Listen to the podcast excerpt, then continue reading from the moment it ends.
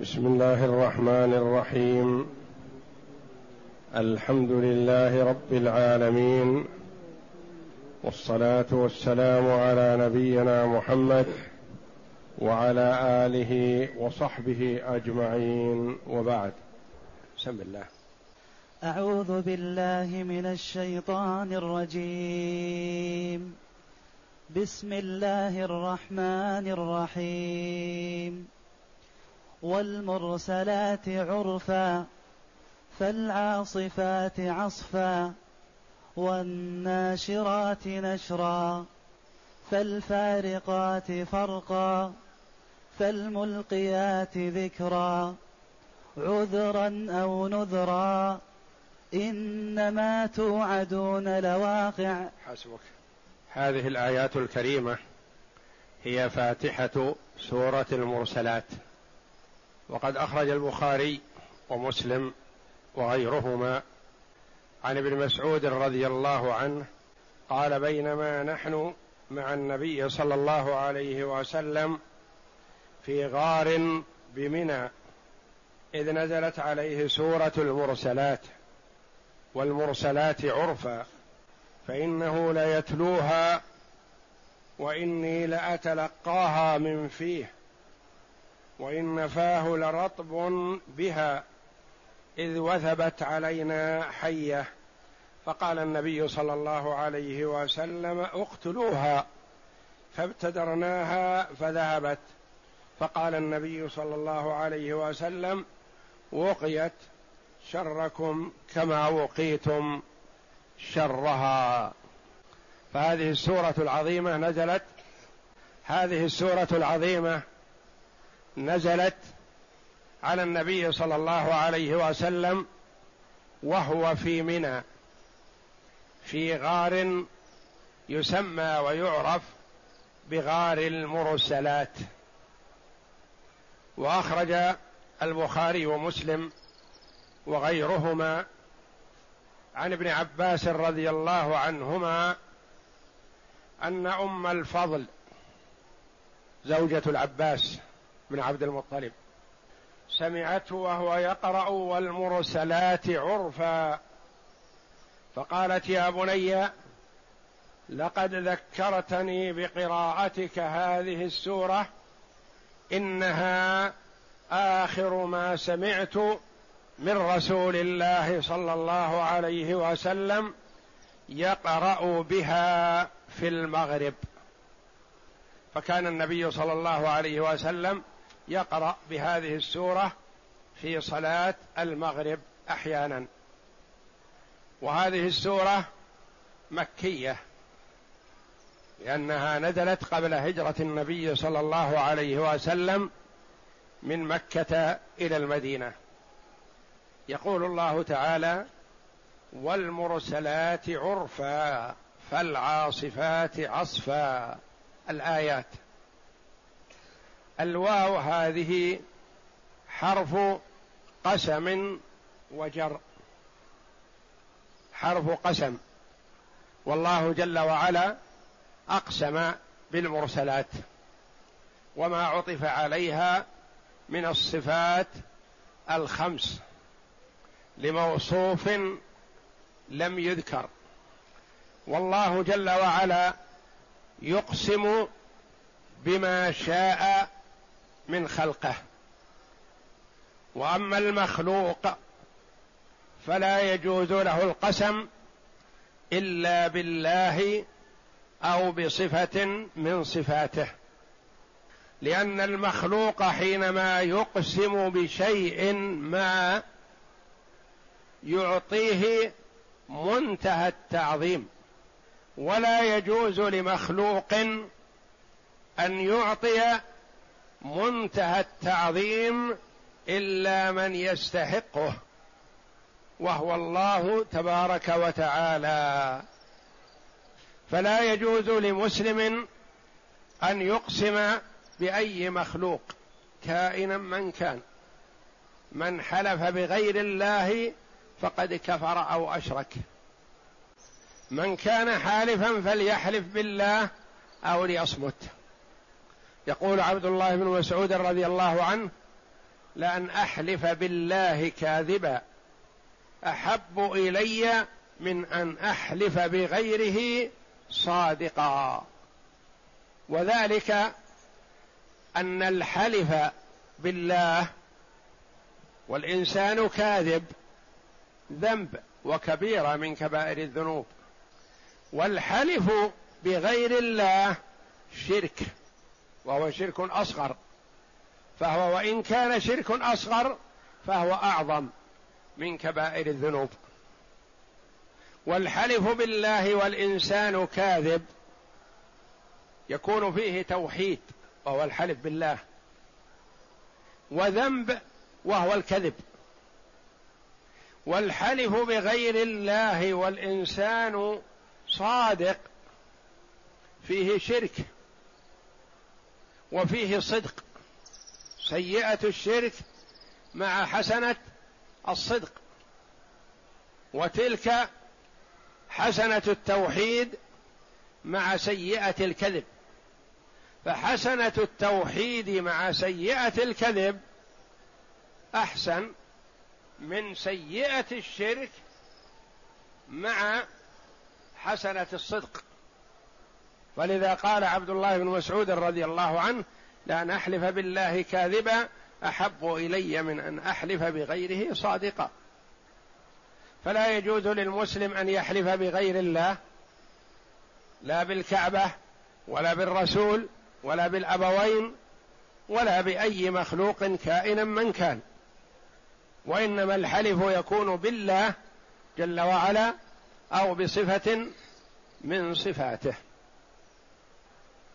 والحلف بغير الله شرك أصغر. وقد يتطور مع المرء مع ما يقترن بنفسه وقلبه واعتقاده إلى أن يصل إلى حد الشرك الأكبر المخرج من الملة. كما هو حال كثير ممن يحلفون بمن يعظمونهم. لو قيل له احلف بالله لربما تجرى وحلف. صادق ولا كاذب؟ وإذا قيل له احلف بالسيد الفلاني توقف وخاف. فهذا والعياذ بالله خوفه من السيد ونحوه يوصله إلى الشرك الأكبر والعياذ بالله لأنه خاف من من يعظمه هذا أكثر من خوفه من الله جل وعلا. والخوف عبادة. وإذا صرف لغير الله كان شركا أكبر. فلا يجوز لمسلم أن يحلف بغير الله كائنا من كان. والمرسلات عرفا. القسم أقسم الله بالمرسلات. لأن الله جل وعلا يقسم ببعض مخلوقاته للفت نظر العباد إلى هذه المخلوقات العظيمة والله جل وعلا أعظم وأعظم. فأقسم بالمرسلات وأقسم بالعاصفات وأقسم بالناشرات وأقسم بالفارقات وأقسم بالملقيات. خمسة. وأقسم بالشمس وأقسم بالليل وأقسم بالضحى وأقسم بالقمر وأقسم جل وعلا بما شاء من خلقه. المرسلات والعاصفات والناشرات إلى آخر الخمس هذه كلها أوصاف أوصاف لموصوف لم يذكر. من المفسرين رحمهم الله من قال هذه كلها أوصاف لشيء واحد فالمقسم به شيء واحد وهذه أوصافه وهي الرياح وقيل الملائكة وقيل الرسل وقيل المقسم به شيئان المرسلات والعاصفات شيء واحد. والناشرات وما بعدها الثلاث شيء آخر. وقيل المقسم به ثلاث. الصفات الثلاث الأولى لشيء واحد المرسلات والعاصفات والناشرات. والفارقات شيء آخر. والملقيات شيء ثالث. فقيل الخمس لموصوف واحد. وقيل الخمس لموصوفين. الأولى والثانية لموصوف واحد والثالثة والرابعة والخامسة لموصوف آخر. وقيل الخمس لثلاثة موصوفات. الأول والثاني والثالث لموصوف واحد والرابع لموصوف ثان والخامس لموصوف ثالث. وقال ابن جرير رحمه الله شيخ المفسرين المتوفى عام 310 هجرية والصواب من القول في ذلك عندنا أن يقال أن الله تعالى ذكره أقسم بالمرسلات عرفا وقد ترسل وقد ترسل عرفا الملائكة وترسل كذلك الريح ولا دلالة تدل على أن المعنى بذلك أحد الحزبين دون الآخر. وقد عم جل ثناؤه بإقسامه بكل ما كانت صفته ما وصف. يعني أن هذه الصفات لم يكن المقصود بها والله أعلم موصوف واحد وإنما كل ما أمكن أن يكون كذلك. فكما أن الملائكة تكون كذا والريح تكون كذا والرسل تكون كذا فهذه المقسم بها. ولا دلالة تدل على أن المعنى بذلك أحد الحزبين دون الآخر وقد عم جل ثناؤه بإقسامه بكل ما كانت صفته ما وصف. فكل من كانت صفته كذلك فداخل في قسمه ذلك. ملكا أو ريحا أو رسولا من بني آدم مرسلا. يعني أنه لم يكن المقصود موصوف واحد وإنما كل ما أمكن أن يتصف بهذه الصفة سواء كانت ريح فهي مقسم بها أو كانت ملك فهو مقسم به أو كانت رسول من بني آدم فهو مقسم به أو كانت آيات القرآن فهي مقسم به وكذلك ما تتأتى هذه الصفة عليه. والكثير من المفسرين بل جمهور المفسرين على أن المرسلات هي الرياح. روي عن جمع من الصحابة رضي الله عنهم عن ابن مسعود وعن ابن عباس وعن غيرهم وجمع من التابعين رحمة الله عليهم. فيكون الله جل وعلا على هذا أقسم بالرياح أو أقسم بالملائكة والمرسلات عرفا. إذا كان المراد المرسلات الرياح فعرفا معناه متتابعة متوالية. يتبع بعضها بعضا. وإذا كان المقصود بالمرسلات الملائكة فيكون المعنى والله أعلم. المرسلات عرفا يعني مرسلات بالمعروف الذي هو ضد النكر وضد المنكر. فالملائكة ترسل بالمعروف يعني بأمر الله جل وعلا وما يريد أن يأمر به تعالى وأمر الله جل وعلا كله خير. والمرسلات عرفا. وإعراب يصح أن يكون مفعول لأجله والمرسلات للعرف أو لأجل العرف لأجل المعروف لأجل الخير. ويصح أن يكون حال والمرسلات عرفا حال كونها متتابعة متوالية. يتبع بعضها بعضا كعرف الفرس وهو الشعر الذي يكون على رقبة الفرس. متناسق متتابع. بعضه تبع بعض. تقول العرب سار الناس إلى فلان عرفا يعني واحد تلو الآخر. والمرسلات عرفا. المرسلات الرياح عرفا يعني متوالية متتابعة. أو المرسلات الملائكة عرفا يعني بالعرف والمعروف. والخير وبأمر الله جل وعلا. فالعاصفات عصفا الفاء هنا حرف عطف. عطفت مقسما به على مقسم به سابق. فالعاصفات قيل كالأول الرياح.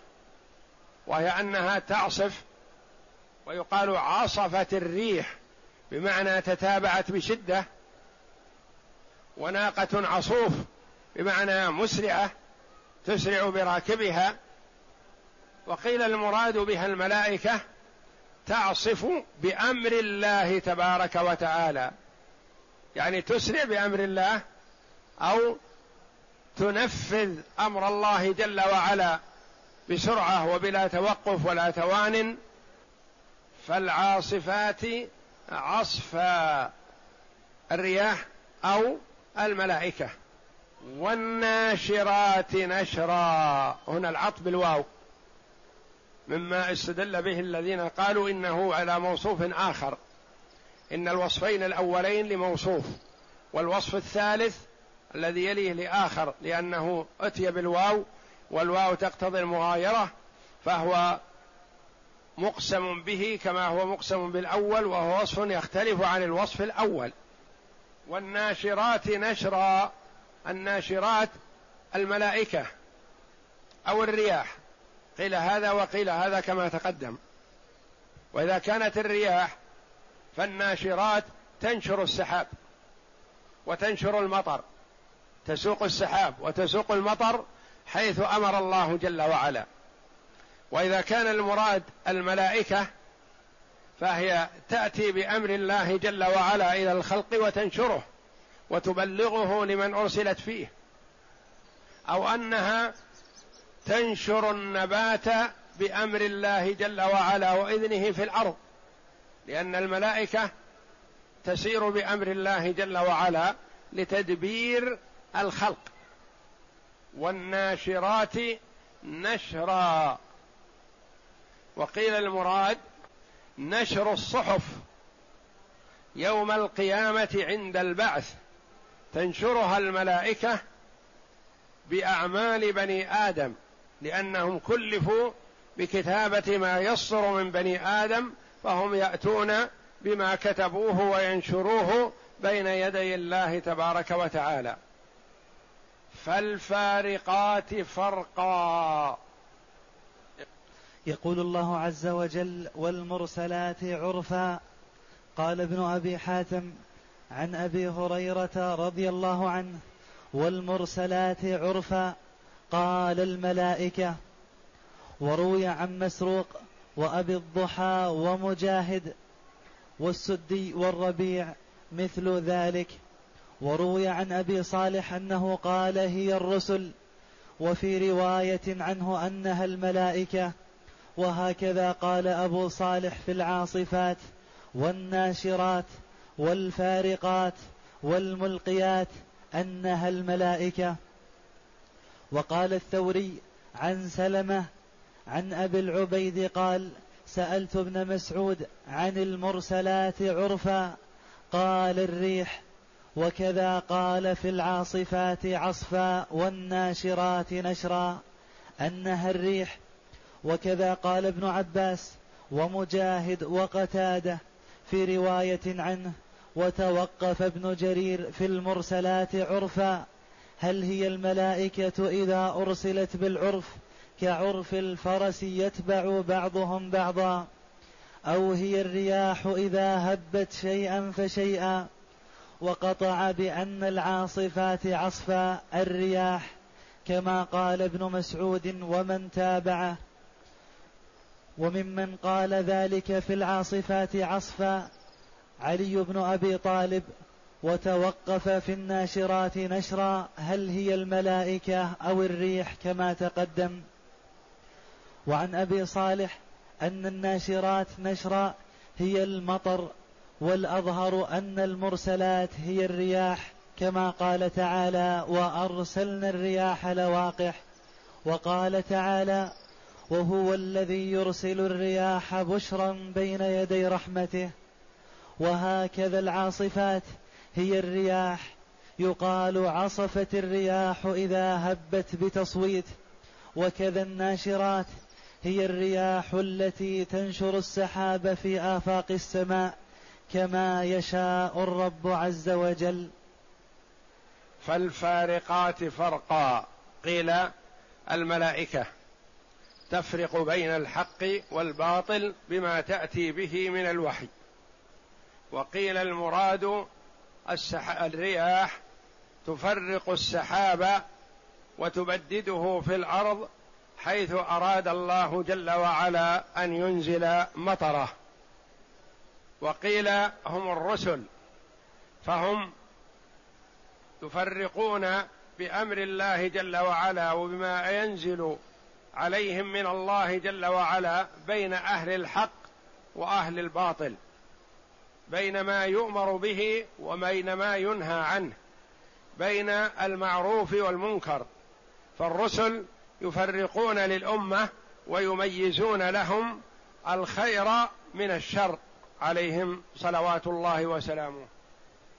فالملقيات ذكرا قال القرطبي رحمه الله هم الملائكة.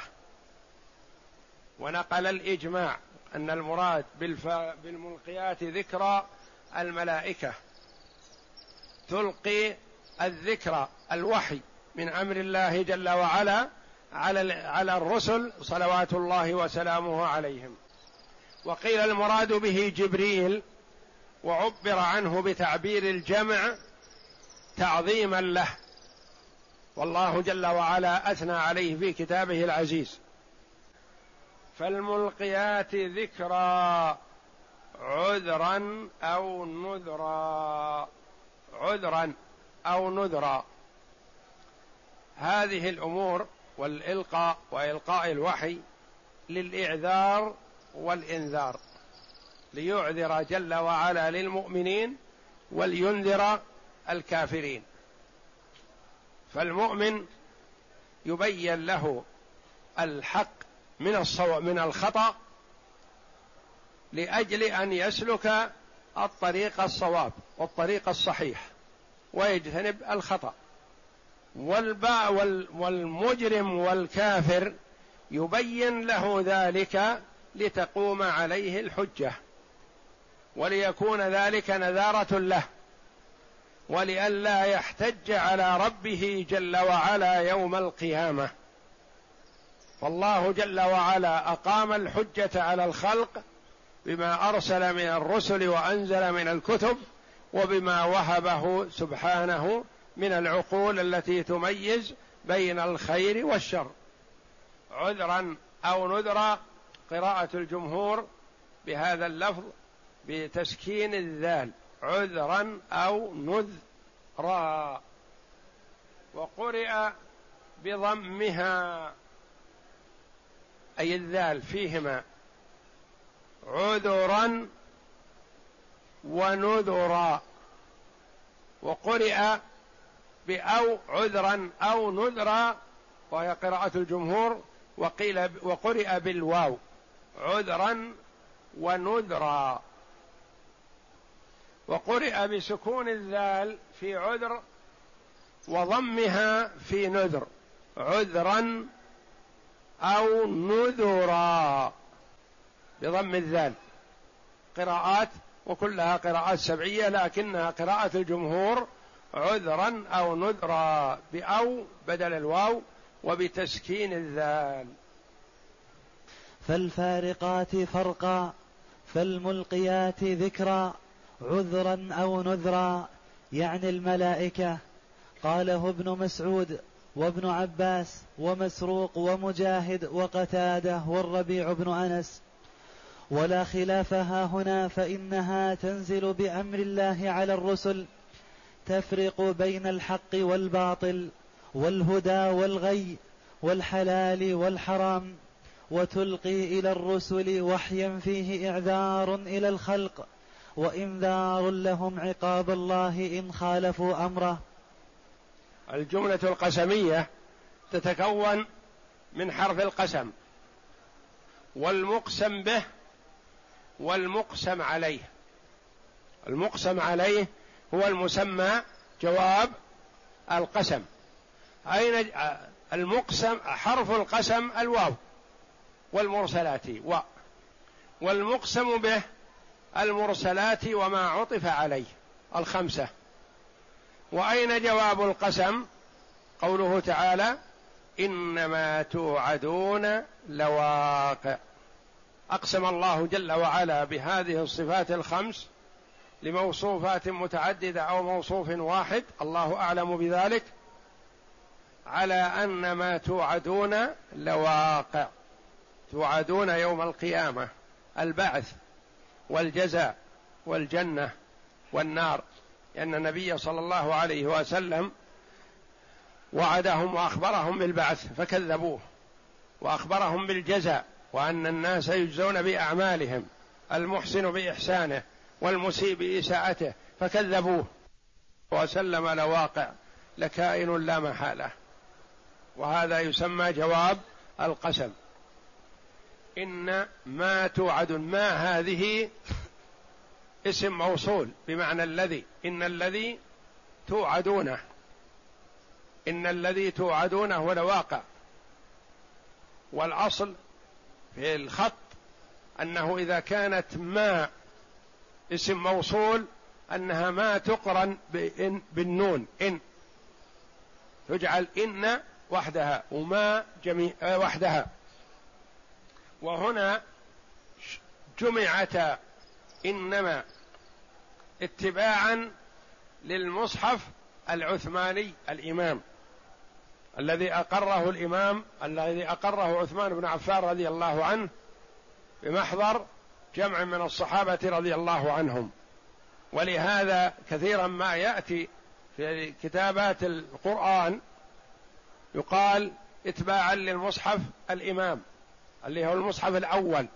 وإن كان مخالف مثلا للخط الحادث الخط اصطلاح الخط اصطلاح الإملاء مثلا في الكتابة أخيرا قد يخالف هذا لكن رسم المصحف العثماني يتقيد فيه ويتبع فيه ما كان رسم عليه المصحف الأول في زمن عثمان بن عفان رضي الله عنه. ولهذا قال هنا ما اسم موصول إنما أي إن الذي والقاعدة أنها إذا كانت كذلك ترسم مفصولة من أن انما أو انما تأتي كذا وتأتي كذا.